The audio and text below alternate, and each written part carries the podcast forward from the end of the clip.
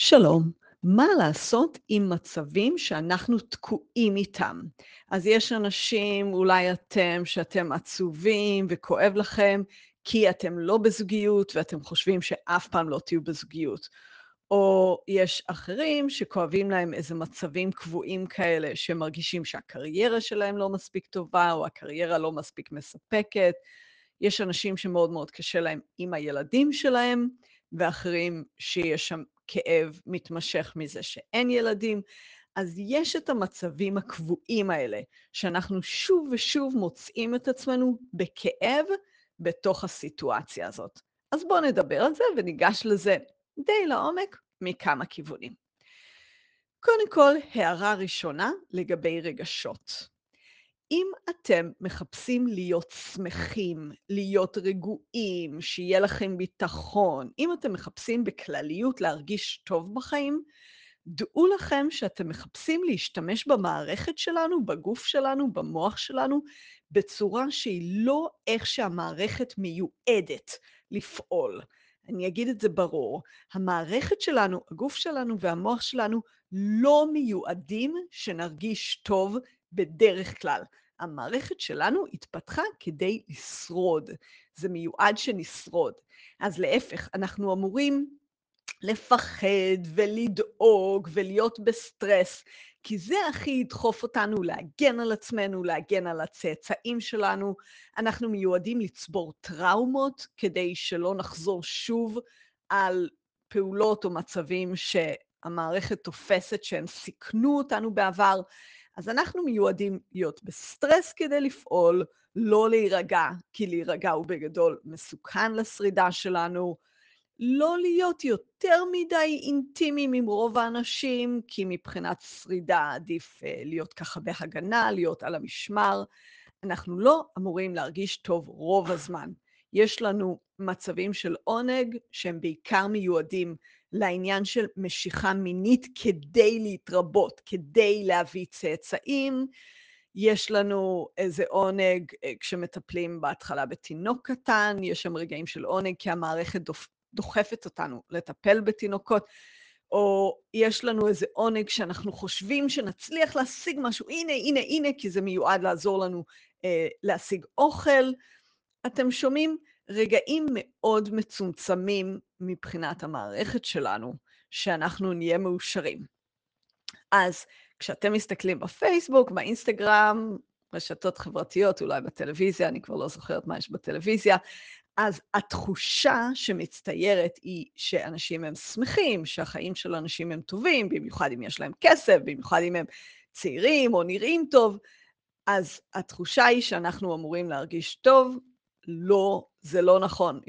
מבחינת המערכת שלנו, אנחנו אמורים להרגיש די גרוע, ואם אתם רוצים להרגיש טוב, גם אני רוצה להרגיש טוב, אז יש לנו עבודה לעשות שהיא במובן מסוים לא טבעית. אנחנו מנסים להפיק יותר מהמערכת שלנו.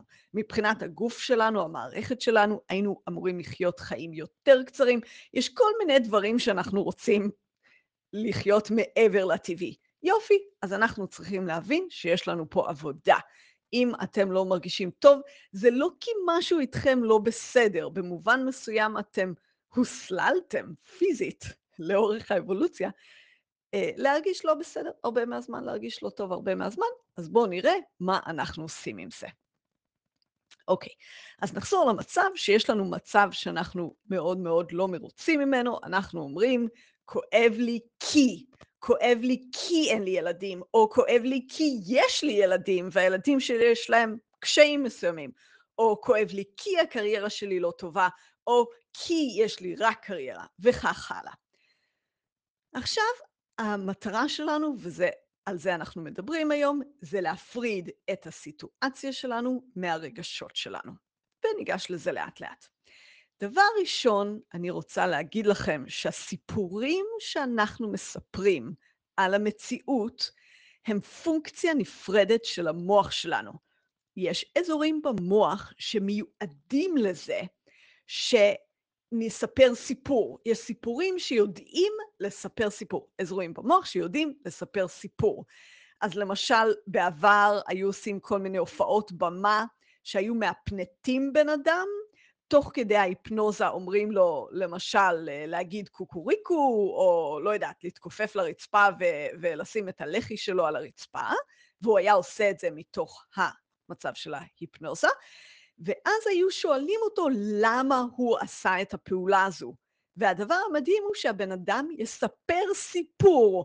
הוא יגיד משהו כמו, כן, רציתי לבדוק אם הרצפה קרה או חמה, או הוא, הוא יספר סיפור למה הוא עשה את הפעולה הזאת. עכשיו, זה לא יפה כמובן לעשות את זה, היום כבר לא עושים את הדברים האלה. אנחנו צוחקים על הבן אדם, כי אנחנו יודעים שהוא עשה את מה שהוא עשה, כי סיבה אחרת, הוא קיבל היפנוזה לעשות את זה. אבל העניין המרתק לראות שהמוח שלנו הוא מכונה שממציאה סיפורים. אזורים מסוימים במוח ממציאים סיפורים. זה קורה לפעמים עם אנשים שיש להם אלצהיימר או מחלה כזו שפוגעת בתפקודים המוחיים, שהם פתאום שוכחים משהו או עושים משהו מאוד מאוד לא רלוונטי, כמו אומרים שהם הולכים לבקר את הבת, למרות שהבת כבר לא בחיים. זה מאוד עצוב כמובן, המצב הזה. ואז אם שואלים אותם, אבל למה עשית את זה? למה הלכת לשם או למה צלצלת אליה? הם יספרו סיפור. הם יספרו לכם סיפור מפורט, כמובן לא מציאותי, למה הם עשו את הדבר הזה. למה סיפרתי לכם את הסיפורים הקצת כואבים האלה? כדי להראות לכם שהאזורים במוח שלנו שמספרים סיפור וסיבות ומדוע ולמה עשיתי כך או אחרת, הם מאוד מאוד נפרדים. המכונת סיפור סיפורים בראש שלנו, במוח שלנו, היא נפרדת מפונקציות אחרות, אוקיי? אז זה הדבר הראשון. אז אתם אולי מבינים לאן אני מתקדמת כשאתם אומרים שאתם עצובים בגלל משהו, בגלל שאין לכם ילדים, יש לכם ילדים, אין לכם קריירה, יש לכם קריירה וכך הלאה. אה, אני רוצה להטיל ספק מאוד גדול שהרגשות שלכם הם בגלל הסיפור הזה. אז בתור התחלה אמרנו שהמוח שלנו הוא מכונה שממציאה סיפורים. עכשיו בואו נדבר קצת על רגשות. מתוך מה מגיעים רגשות? אז כמובן, רגשות זה עולם שלם, ולדבר על ממה מגיעים רגשות זה ממש, יש הרבה הרבה מה להגיד על זה, אבל בצורה, מה שחשוב להגיד כרגע הוא שרגשות הם פיזיים בעיקרם. הרגשות שלנו, רובם נובעים מהמצב הפיזי שלכם, ושלנו ושלי, של כל אדם. זה נכון גם הרבה לבעלי חיים. אז אם אתם ישנתם טוב, אתם תרגישו טוב, סביר להניח. אם ישנתם גרוע, רוב הסיכוי שתרגישו גרוע. אם אתם שתיתם אלכוהול או צרכתם סם, לזמן מסוים תרגישו יותר טוב, ובצורה כמעט גורפת אחר כך תרגישו יותר גרוע. אם אתם משתמשים בסמים הרמה הקבועה של שמחת החיים שלכם יורדת. עוד נדבר על זה. אתם מרגישים רע או טוב, זה מאוד מאוד פיזי. אם אתם תעשו ספורט, רוב האנשים, אתם תרגישו טוב, ואם אתם לא תזוזו וגם תאכלו אוכל כבד, אז אתם תרגישו רע.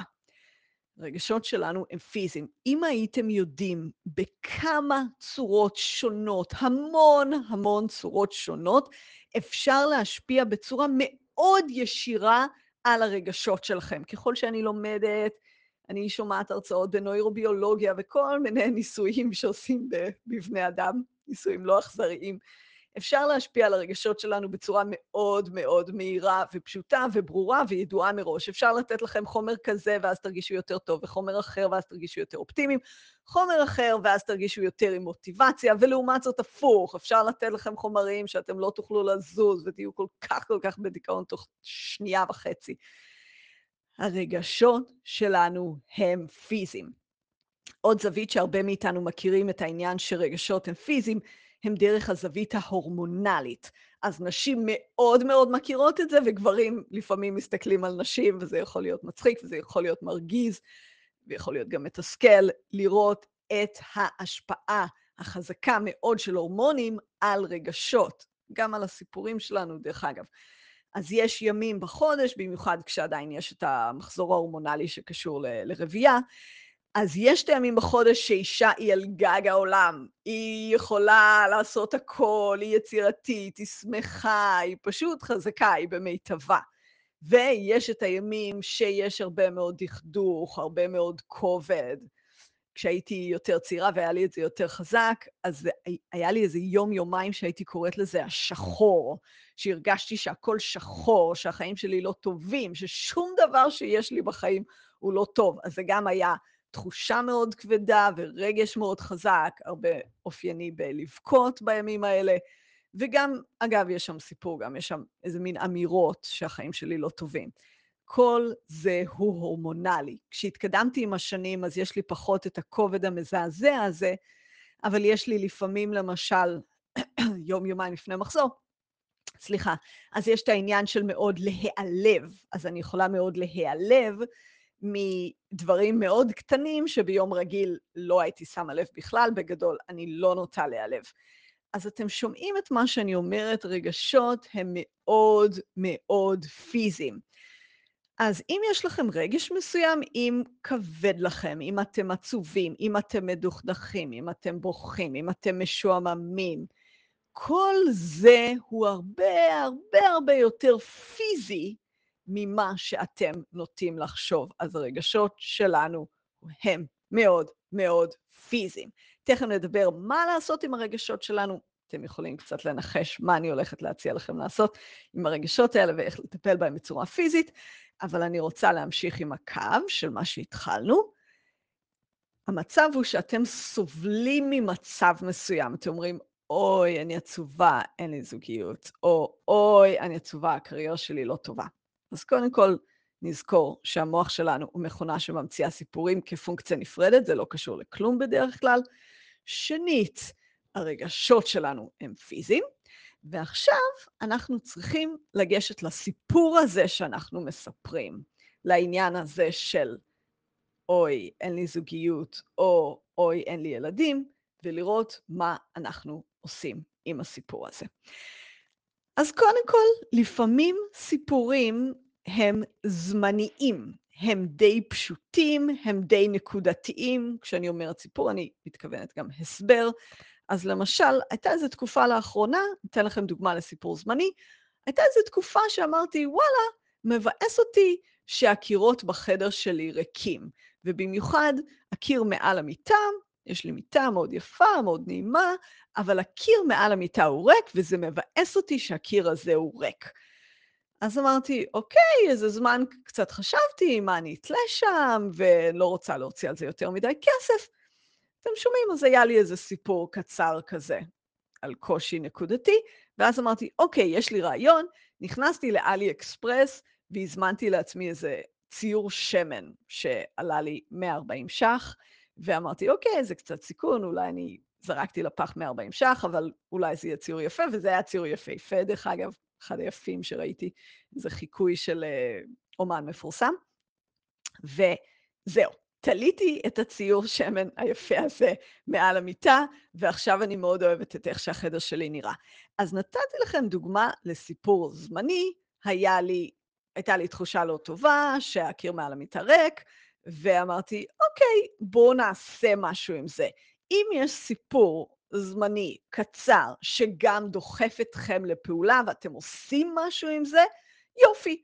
אז לא על זה אני מדברת היום. על הדברים האלה אתם לא צריכים להתחיל לעשות עבודה רגשית, כל מה שאני אציע לכם עוד מעט, אלא פשוט, אם יש לכם רעיון איך לפתור את זה, תפתרו את זה. סבבה. עכשיו בואו נדבר על סיפורים כרוניים. סיפורים כרוניים הם סיפורים שיש לנו כל החיים, הם לא לוקחים אותנו לשום מקום. כבר נתתי את הדוגמאות הנפוצות, לא בזוגיות, כן בזוגיות, אבל היא לא טובה מאיזה שהן בחינות, או הקריירה שלי לא מספיק טובה, או שהיא לא מספיק רווחית, או שהיא לא מספקת, או שיש לי רק קריירה, או יש לי רק קריירה, אין לי משהו אחר בחיים, או סיפור של אוי, אין לי ילדים, או אני סובלת מהילדים שלי. שימו לב, דרך אגב, שהסיפורים האלה הם מאוד מאוד סימטריים. כל בן אדם יש לו סיפור אחד עיקרי שהוא סובל ממנו, אבל אני בתור קואוצ' המון המון שנים מדברת עם אנשים, אני אומרת לכם, זה כל כך סימטרי, שזה לא להאמין.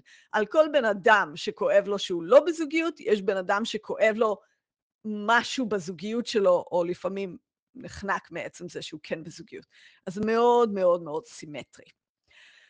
עכשיו, הסיפורים האלה, ההסברים האלה, הטיעונים האלה, למה אנחנו לא שמחים, הם גם מאוד או תרבותיים או משפחתיים. לפעמים זה משהו ייחודי לנו, שאנחנו המצאנו, אבל בדרך כלל זה לא ככה. בדרך כלל פשוט גדלנו עם זה ואמרו לנו את זה.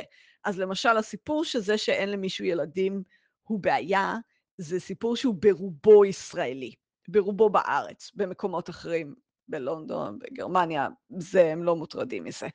אז, אז ה, אני קוראת לזה סיפור שוב ושוב, כדי להוציא קצת מהמשמעות של זה. זה לא איזה אמת כל כך גדולה, זה אנחנו מספרים לעצמנו את הסיפור הזה, שזו הבעיה שלנו.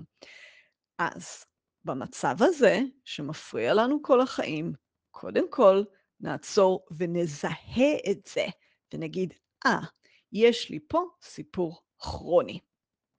עכשיו, נעשה עוד צעד קדימה. מה אנחנו צריכים לעשות עם הסיפורים הכרוניים שלנו? אנחנו צריכים להפריד שלושה גורמים שונים. מציאות, רגש וסיפור. כשבמובן מסוים מציאות ורגש הם שניהם חלק מהמציאות.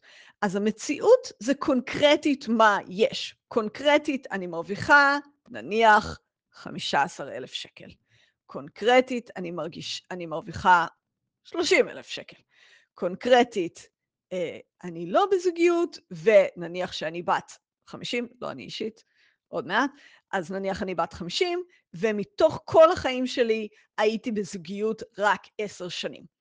אה, ואז היו לי עוד כמה קשרים, אבל קרה ככה וקרה ככה. אז זאת המציאות. המציאות הן העובדות, זה מה שקרה במציאות. אוקיי, אז אנחנו צריכים לזהות את זה, תכף אני אגיד עוד, עוד קצת על זה, אבל אנחנו רוצים קודם כל לשים את המציאות ולראות אותה, מהי המציאות בסיפור הזה. אחר כך אנחנו צריכים לראות מה הרגשות שלנו, וגם אותם להפריד מהמציאות. אז הרגשות שלי זה כובד, זה דכדוך, זה עצב, זה כעס, זה ייאוש, זה בושה. יש איזה סט של רגשות שאנחנו מכירים, אז לזהות איזה רגשות יש לנו. ואז אנחנו צריכים גם לזהות מה הסיפור, מה אני אומרת לעצמי, מה ההסבר שלי על המציאות הזאת ועל הרגשות שלנו. עכשיו שימו לב שהמציאות עצמה אין לה ערכיות, אין לה ערכיות של טוב ורע. אז מציאות היא לא טובה והיא לא רעה. אני לא מדברת על מצבים קיצוניים, יש מצבים קיצוניים, אם אתם פוגעים באנשים זה רע, אם בן אדם אחר פוגע בכם בצורה ברורה זה רע, אבל בגדול המציאות היא פשוט מציאות. ומה אנחנו צריכים לעשות? אנחנו צריכים להתחיל להפריד את הסיבתיות שהכנסנו הנה. אנחנו אומרים את המילה כי. אני עצובה כי אין לי זוגיות, או אני עצובה כי הקריירה שלי לא מספיק מספקת. אנחנו צריכים להוציא את המילה כי, להוציא את הסיבתיות הזו, וזו עבודה. זה לא ברגע אחד. אנחנו צריכים שוב ושוב לתפוס את עצמנו כשאנחנו אומרים את המשפט הזה, אני עצובה כי. כשאנחנו עושים את הקישור הזה, אני מציעה לכם, כשאתם שמים לב ש... אוי, הנה אמרתי את זה, בדרך כלל שמים לב אחרי. אז אחרי שאמרתם את זה, קחו נשימה, זה עוצר אתכם רגע, ואז תגידו, אה, שוב עשיתי את הקישור הזה, אני מפרידה. אחד, אני עצובה, שתיים, אני מספרת לעצמי שזה בגלל שאין לי משהו. אתם שומעים מה העבודה שלכם? מה התרגול שלכם? התרגול הוא שוב ושוב לתפוס את עצמכם כשאתם עושים את הקישור הזה, כשאתם אומרים את המשפט, אני עצובה כי, ולקחת נשימה, להגיד, אה, ah, הנה עשיתי את הקישור הזה ואני מבדילה חזרה. אחד, אני עצובה, שתיים, אני מספרת את הסיפור. אוקיי? אז זאת העבודה שלכם. זאת עבודה שיעילה, אבל זה לא בפעם אחת. אתם תצטרכו לעשות את זה הרבה פעמים. כמו שאם אתם רוצים לאכול אוכל בריא, להרגיש טוב, פיזית, אפרופו, אה, אפרופו להרגיש טוב שאנחנו מדברים עליו היום, אם אתם רוצים להרגיש פיזית טוב עם אוכל, אתם תצטרכו כל יום להכין לכם אוכל מזין, או ברוב הימים. אם אתם רוצים להיות, להרגיש טוב מתוך כושר, תכף נדבר על זה, תצטרכו כל יום לעשות משהו פיזי. אז אותו דבר עם העבודה המנטלית הזאת שאני מדברת עליה, של לשבור את הסיבתיות הזאת, אני מרגישה רע כי. זה תרגול של כל פעם לתפוס את עצמכם שוב ושוב ושוב ושוב. עוד פעם ועוד פעם להגיד, לא, אני לא עצובה כי, אחד, אני עצובה, שתיים, אני מספרת את הסיפור. אוקיי? אז זאת העבודה שאתם צריכים לעשות שוב ושוב ושוב. כמובן שאם אתם אה, לא מצליחים לעשות את זה, אז בואו לקבל קואוצ'ינג, בואו לעשות טיפול, תיעזרו במישהו שיעזור לכם לעשות את זה, אבל אולי אתם יכולים לעשות את זה בעצמכם, זוהי העבודה הנדרשת, שוב ושוב לשבור את הקישור הזה. ואז, אחרי שהפרדנו את הקישור בין הרגש לסיפור, אנחנו רוצים לטפל בשני הרכיבים בנפרד. אחד, אני עצובה, אז, או, וכואב לי, וכבד לי, ואני מדוכדכת, ואני מיואשת, ויש לי בושה. אז אחד, איך אני מטפלת בעצמי רגשית, איך אני גורמת לעצמי לאט-לאט להרגיש יותר טוב, זו שאלה אחת. ושתיים, איך אני מתמודדת עם הסיפור, איך אני מדברת עם ה... מתמודדת עם הדיבור הכרוני הזה שיש לי בראש לעצמי כל הזמן. אז בואו נפריד. אחד, איך אני ארגיש יותר טוב? שתיים, מה אני אעשה עם הסיפור? אז בואו נתחיל מהראשון, איך אני ארגיש יותר טוב. אז כמו שאמרתי בהתחלה, רגשות הם ברובם ובעיקרם פיזיים. אם אתם רוצים להרגיש טוב, אתם צריכים לפעול פיזית, ויש המון חומר בפודקאסט שלי ובאתר שלי, המון המון חומר שכתבתי על איך להרגיש יותר טוב פיזית. אני אתן פה איזו סקירה קצרה, ועל כל נושא שאתם בוחרים ללכת אליו, אז תמצאו חומרים יותר מעמיקים, גם אצלי וכמובן אצל אחרים. אז יש כמה כיוונים איך להרגיש יותר טוב פיזית. אחד, תשפרו את השינה שלכם. שינה היא פקטור עצום באושר, זה גם להעריך את האורך וגם לשפר את האיכות. אז יש לי איזה קורס דיגיטלי קטן אה, ולא יקר מדי, שהוא ספציפית על שינה, יש המון המון כיוונים איך לשפר את השינה, וכמובן, אתם יכולים להיעזר בכל כיוון אחר. אז זה כיוון אחד, תשפרו את השינה. שתיים, תכניסו יותר פעילות פיזית לחייכם. מעל גיל מסוים בן אדם צריך פעילות פיזית כל יום. למעשה, אנחנו צריכים את זה מאז שנולדנו. פשוט כשאנחנו צעירים, אז באופן טבעי אנחנו הרבה יותר בתנועה. לפחות ככה זה היה בעבר, לפני שהמסכים היו פעילות כל כך נפוצה. אז כל בן אדם, בכל גיל, ובמיוחד מעל גיל מסוים זה מאוד מאוד ברור, אנחנו צריכים פעילות פיזית כל יום. אם תעשו פעילות פיזית כלשהי כל יום, זה יכול להיות אפילו גם מאוד פשוטה, כמו הליכה, אתם תרגישו יותר טוב פיזית. יש עוד משהו שכולנו צריכים כל יום, שזה רגיעה. אנחנו צריכים איזושהי דרך להירגע. אני יודעת שאתם חושבים שאתם נרגעים מול המסך, אבל אם יחברו את המוח שלכם ואת הגוף שלכם לכל מיני אלקטרודות, אה, או MRI, וימדדו אה, מה שלומכם כשאתם צופים בסדרות שלכם, אתם לא נרגעים. סליחה, מצטערת להגיד את החדשות הרעות, אין שם רגיעה. במסכים בדרך כלל אין רגיעה, דרך אגב, מסכים לפני השינה הם מאוד משפיעים על איכות השינה. לי יש שעון שמודד את השלבים השונים של השינה, וכמה זמן היה לי שינה עמוקה ושינה קלה ושנת חלום. אז אם אני התכתבתי לפני השינה אפילו עם חברה, או עשיתי משהו מאוד פשוט כזה, עשיתי איזה שיעור ערבית באפליקציה דואלינגו, אז זה פוגע לי בשינה. אז תדעו לכם שמסכים זה לא נקרא רגיעה, וכולנו צריכים רגיעה, ויש כל מיני דרכים להירגע. אפשר ללמוד לעשות מדיטציות קצרות, יש מדיטציות מוקלטות. אפשר אה, לשבת עם עיניים עצומות בקורסת עיסוי. אני קניתי לעצמי מתנה ליום הולדת האחרון, אה, קורסת עיסוי כזאת. אתם יכולים אה, לשכב, לנמנם במיטה עם עיניים עצומות, זאת גם רגיעה.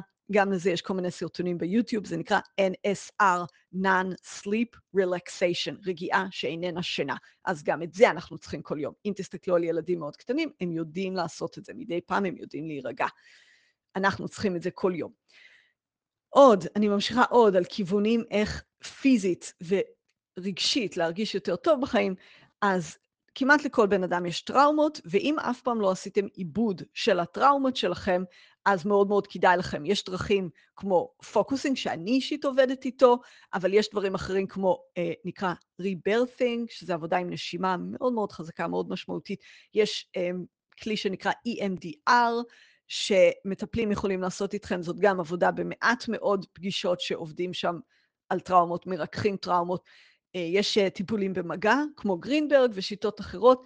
אתם יכולים לקבל איזה טיפול, זה לא צריך להיות טיפול פסיכולוגי של עשר שנים, ולעשות עבודה על הטראומות שלכם. אם יש לכם טראומות חמורות, אולי תיקחו שנה לעבוד על זה, אם זה דברים קלים יותר, אולי פחות, אבל אתם יכולים לקבל עזרה גם עם הטראומות שלכם, זה ישנה את המצב הרגשי שלכם. ועוד דבר אחד לגבי מצב רגשי, הסמים שהרבה מאיתנו משתמשים בהם, החל מקפה ועד אה, גראס ואלכוהול, הם ברובם, האפקט שלהם הוא להוריד את הרמת בסיס של השמחת חיים שלנו ושל הרוגע שלנו. אז קפה ספציפית לאנשים רבים מגביר חרדות, יכול גם להעביר, אה, להגביר אה, או ליצור אפילו מיגרנות, ודברים כמו אלכוהול וגראס וגם ניקוטין, זה בצורה שאפשר למדוד אותה, ואפילו די קל למדוד אותה, אחרי שבן אדם מפסיק את הסם, סליחה, בן אדם משתמש בסם הוא מרגיש יותר טוב, אחרי שההשפעה של הסם יורדת הוא מרגיש פחות טוב, ובכלליות הרמה הקבועה של התחושות היא יותר גרועה. כלומר, אותו בן אדם באותו מצב בחיים מרגיש פחות טוב, כאשר הוא משתמש בסמים בתקופה הזאת של חייו, אתם מבינים? אז אם השאלה היא איך להרגיש יותר טוב, רגשית, התשובה יכולה להיות לרדת מאיזה שהם סמים שאתם משתמשים בהם. כל אלו יכולים לגרום לכם להרגיש יותר טוב, לישון יותר טוב, להיות יותר פעילים, לעשות איזו מדיטציה או איזו רגיעה אחרת, לטפל בטראומות ולרדת מאיזה שהם סמים שאתם לוקחים. אז אם, נחזור להתחלה, אמרנו שאתם מרגישים רע מתוך איזו סיטואציה קבועה בחייכם, הדבר הראשון לעשות זה לנתק את הסיבתיות, אני מרגישה רע כי, לא, אחד, אני מרגישה רע, שתיים, יש מצב מסוים בחיי. דבר הבא הוא לטפל בעצמכם פיזית, זה ישפיע על הרגשות שלכם. ואז, יש לנו פה עוד שני צעדים, הצעד הבא הוא להתמודד עם הסיפור. מה אני עושה עם הסיפור הזה? יש לי איזה סיפור בראש, שאוי, שלא הולך לי ביחסים, וקרה ככה עם, עם ההוא, וככה עם ההוא, ו... ויש לי את כל הסיפור הזה בראש. לי אישית באמת גם יש הרבה סיפורים בראש. נראה לי שבגיל מסוים לכולנו יש הרבה סיפורים בראש. אז מה אנחנו עושים איתו? אז הצעד הראשון הוא באמת להתחיל להתמודד עם הסיפור, כלומר לצלול לסיפור. זה באמת סיפור, כמו, כמו סיפור מעשיות, יש לנו פה סיפור.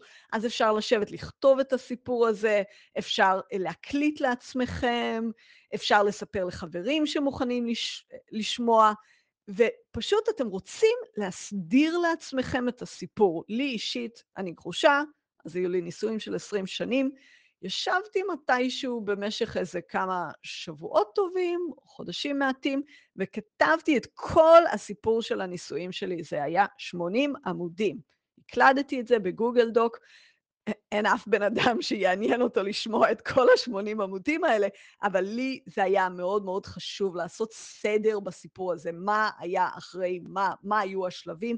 אותי זה שחרר במובן מסוים. הרבה מהמאמרים שאתם קוראים או, או מקשיבים להם, שאני כתבתי, חלק מהתפקיד שלהם היה עבורי לסדר את הסיפור של מה שקרה שם. אז זה יכול להיות חשוב. לאנשים מסוימים זה יותר חשוב מאשר לאחרים. לי אישית זה חשוב, והרבה לקוחות שיש לי, כשהם ישבו במשך איזושהי תקופה וכתבו סיפורים, זה יכול להיות סיפורים מהילדות, יכול להיות סיפורים שקרו באיזושהי תקופה מסוימת, אולי סביב איזושהי טראומה, זה מאוד מאוד עזר, עזר להם. עכשיו, אם קשה לכם לעבד את הסיפור שלכם לבד, זה נקרא לעבד את הסיפור, אז אתם כמובן יכולים להיעזר בקואוצ'ינג, אני עושה את זה עם אנשים, אתם יכולים להיעזר בטיפול, אתם יכולים למצוא משהו שיעזור לכם לעבד את הסיפור שלכם, ואז הוא יישב לכם בראש בצורה יותר מעצימה. ואז מתישהו מה שקורה זה שהסיפור שלכם מתרכך. יש לו פחות עוצמה רגשית, הוא פחות מפעיל אתכם, הוא פחות חזק עליכם. ואז אולי הוא גם ייעלם. אולי סיפור מסוים כמו מה שסיפרתי על הנישואים שלי, במובן מסוים זה נעלם. אפילו איכשהו כבר התחלתי לשכוח את זה. עכשיו, יש לי זיכרון טוב, אבל המוח כבר פחות נאחז בסיפור הזה. אז זה מה שיכול לקרות אצלכם. ולחלק מהאנשים, אני רואה את זה אצל אנשים מסוימים, הסיפורים הם מאוד מאוד עקשניים. ומאיזושהי סיבה, פה ושם יש אנשים שלא משנה כמה עיבוד הם עושים, הסיפור ממשיך במובן מסוים להציק. זה כמו גל, גלים שמגיעים מדי פעם, עוד גל ועוד גל ועוד גל של הסיפור הזה, שממשיך להכביד עליכם. ובמצבים האלה שכבר עשיתם הרבה עיבוד והסיפור ממשיך, אז אני מציעה במובן מסוים לנסות, תראו אם זה יעבוד לכם, להתעלם מהסיפור, להגיד, אוקיי, הנה עוד פעם משהו בתוכי מספר לי את הסיפור הזה. אוקיי, אני שומעת, אני שומעת ואני ממשיכה הלאה. אז תזכרו, מאוד חשוב לצאת מהסיבתיות, לא להגיד אני מרגישה רע בגלל הסיפור הזה, אלא פשוט, אה, אוקיי, הנה הסיפור הזה. זה קצת כמו ילד קטן בפנים, שנורא נורא חשוב לו שוב ושוב לספר לכם את הסיפור הזה. אז אנחנו שומעים, אנחנו לא יכולים לעצור את הסיפור בכוח, אבל לא להיכנס לזה יותר מדי, לנסות לא לתת לזה יותר מדי משמעות, להמשיך לזכור שאתם מרגישים רע. לא בגלל הסיפור הזה, להמשיך לפעול לטובת כל מה שיעשה לכם טוב. דיברנו על זה שרגשות הם פיזיים, אז כל מה שיעשה לכם טוב פיזית. טוב הכוונה טוב באמת, ולא טוב רגעית של סם. ובואו נדבר אה, עוד נקודה אחת מאוד מאוד חשובה בנושא הזה, ואז נסכם. דיברנו על המערכת שלנו, המערכת שלנו לא מיועדת שנרגיש טוב במיוחד, אבל יש משהו אחד שהמערכת שלנו כן מיועדת אליו. המערכת שלנו מיועדת שנפעל. אנחנו אנחנו חיות, גם, לא רק חיות, אבל אנחנו גם חיות בהחלט, וכל בעלי החיים, וגם אנחנו, נדחפים לפעול. אנחנו התפתחנו כדי לפעול, וכשאנחנו פועלים, בדרך כלל אנחנו מרגישים טוב. אז בתוך כל הסיטואציה הזו של החיים שלכם, וגם סיטואציות אחרות, תחפשו איך אתם יכולים להמשיך להיות סוכנים, להמשיך להיות משפיעים, להמשיך להיות פועלים. זה יכול להיות בגדול וזה יכול להיות בקטן. איך אתם ממשיכים אה, לעבוד? להרבה מאיתנו העבודה שלנו היא סיפוק מאוד גדול, עבורי העבודה שלי מאוד מספקת אותי. איך אתם יכולים להמשיך לעשות טוב לאנשים במשפחה שלכם או בקהילה שלכם. אולי יש לכם גינה יפה, שכל מי שעובר ברחוב נהנה לראות את הגינה, אז תמשיכו לטפל בגינה שלכם. אולי אתם פעילים פוליטית, אולי אתם פעילים נגד הנזק והבעיה שאנחנו גורמים לעולם שלנו ולשינוי אקלים. כל פעולה שאתם יכולים לפעול לטובת משהו גדול או קטן, אישי או משפחתי או ציבורי, כל דבר כזה יעשה לכם טוב. אתם תרגישו יותר טוב כי אתם עושים את מה שהגוף שלנו והמערכת שלנו מאוד מאוד רוצים שתעשו. אז אם אתם נלכדים שוב ושוב באיזה סיפור של אוי, אני לא שמחה כי אין לי ילדים או יש לי ילדים או כל הסיפורים האלה, אז תמשיכו לשאול באיזה תחום בחיים שלי אני רוצה להיות פעילה. האם אני רוצה לצאת יותר עם האומנות שלי? האם אני רוצה להתחיל להקליט פודקאסטים על נושא שחשוב לי, על נושא שלמדתי? האם אני רוצה אה, להיפגש יותר עם איזה אנשים מסוימים בחיי? האם אני רוצה ללמוד משהו חדש, או האם אני רוצה לפתוח כיוון חדש בעסק, תשאלו את עצמכם לאן אתם מתקדמים. האם אני רוצה להתקדם בעבודה, לעשות את העבודה שלי יותר טוב, ללמוד איזושהי מערכת חדשה בעבודה. גם זה יעשה לכם מאוד מאוד טוב להיות פעילים. אז במקום להיכנס לסיפור של אוי, כמה זה קשה, כל הנושא הזה, תשאלו את עצמכם במה אתם יכולים להיות פעילים. אז, סיכום קצר. אם אתם רוצים להיות שמחים בחיים, אתם כבר רוצים משהו שהוא מעבר לטבעי, ולכן אנחנו צריכים לעשות עבודה עבור זה. אם אתם אומרים לעצמכם, אני לא שמחה כי אני עצובה, כי המטרה שלכם היא להתחיל לצאת מהכי הזה, מהסיבתיות הזאת, מהבגלל הזה. תזכרו שהאזורים במוח שלנו שממציאים סיפורים, הם אזורים שפועלים בנפרד. המוח שלנו, מכונה שממציאה סיפורים, אנחנו לא מרגישים רע בגלל זה, אלא אם אנחנו מרגישים לא טוב, זה ברובו פיזי. אז קודם כל, נחפש להפריד את הסיפור מהתחושה, להגיד, אה, ah, אני לא מרגישה טוב, וגם יש לי את הסיפור הזה, לא בגלל הסיפור. שתיים, נחפש איך לשפר פיזית את החיים שלכם, את התחושות שלכם, לישון יותר טוב, לאכול יותר טוב, להיות יותר פילים, להיות יותר רגועים, לרדת מסמים מסוימים שאתם משתמשים בהם. ובמקביל, למצוא דרך לאבד את הסיפורים שלכם, אולי לאבד טראומות שיש לכם, יכול להיות שאתם צריכים עזרה עבור זה. וגם, גם במקביל, לחפש להיות יותר פעילים, להיות יותר סוכנים, יותר משפיעים. איך אתם יכולים להשפיע על המציאות, זה גם יעשה משהו טוב בעולם, או אצלכם, או במשפחה שלכם, וזה גם טוב לנו מאוד להיות פעילים. אז זה ממני, סלי תדמור, אני קואוצ'רית, אני עובדת הרבה שנים עם אנשים, אפשר לדבר איתי אישית, יש קורסים דיגיטליים באתר שלי שיכולים לעזור לכם בכל מיני נקודות שאתם נמצאים בהם, למשל לגבי שינה. ומקווה שהחומר הזה היה בעל ערך עבורכם, אתם מוזמנים להעביר אותו הלאה, לשלוח אותו לאנשים שאתם חושבים שיעזרו בו. וזה ממני להיום, סלי תדמור.